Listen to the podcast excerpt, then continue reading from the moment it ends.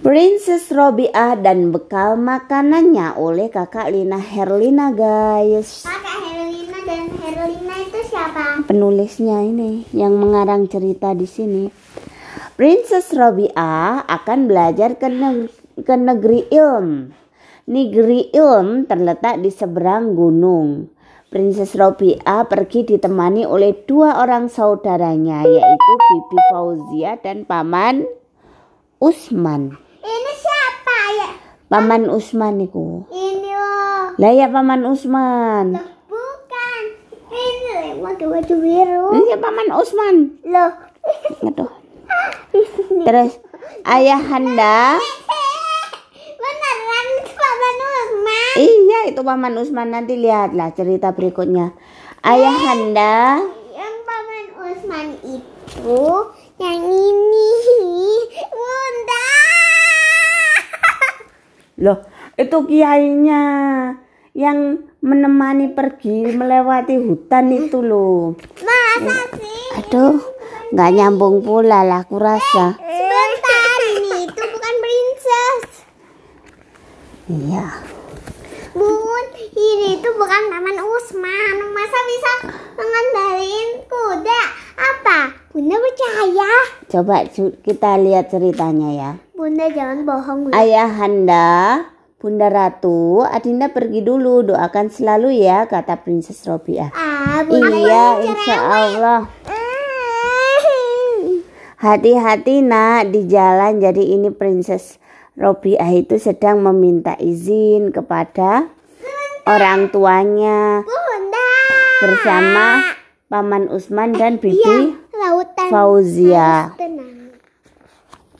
Iya. Mm-mm. Ah, yang ini, Bun, yang ini. Mm-mm. Sudah, terus sampai sana, sampai perjalanan. Di tengah perjalanan, Princess Robiah itu melihat anak yang sedang berebut makanan. Lalu Princess Robiah Berebut turun. Nah, berebut makanan sama siapa? ada dua anak laki-laki, anak laki-laki kecil yang lagi berebut makanan. Lalu Princess Robiah turun membagi makanannya sekaligus juga memberikan makanan dan kue.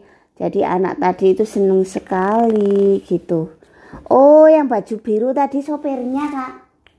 Iya, betul kamu, Kak. Saya kira Paman Usman. Nah, Sampai di perjalanan setelah azan maghrib, Princess Robiah berbuka karena Princess Robiah itu suka berbagi dia. Bahkan tidak memikirkan dirinya sendiri, suka aja berbagi gitu. Jadi melihat anak bertengkar, dikasihnya dia kue. Ada anak yatim piatu, dikasihnya dia kue. Ada anjing kelaparan, dikasihkan dia kue. Ada pengemis. Iya. Ada pengemis dikasihkan kue sampai kuenya itu habis. Terus Princess Robiah bilang, "Ah, aku puasa maghrib aja sekalian." gitu. Terus eh, dia sisakan sedikit untuk Paman Usman dan Bibi Fauziah tadi. Terus eh pada apa perjalanannya setelah azan maghrib Princess Robiah berbuka. Dia takjub melihat makanan begitu banyak enak-enak dari pembekalan yang telah dia bagi. Saya terharu paman guru, saya membagikan pembekalan tidak seberapa diganti dengan begitu banyak makanan yang enak-enak, kata Princess Robiah. Begitulah ilmu pengetahuan Princess, kata paman guru. Meskipun kita bagi-bagikan tiada henti kepada semua makhluk yang ada di bumi ini, ilmu pengetahuan tidak akan habis malah akan terus bertambah. Princess Robiah tersenyum, dia bersyukur mendapat guru yang pintar dan bijaksana. Dia bertekad untuk belajar yang rajin membaca buku yang banyak.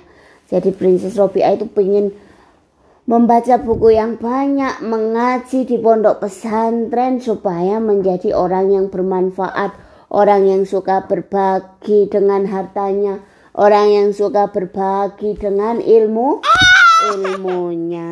Bukan aku Itu ceritanya Princess Robiah.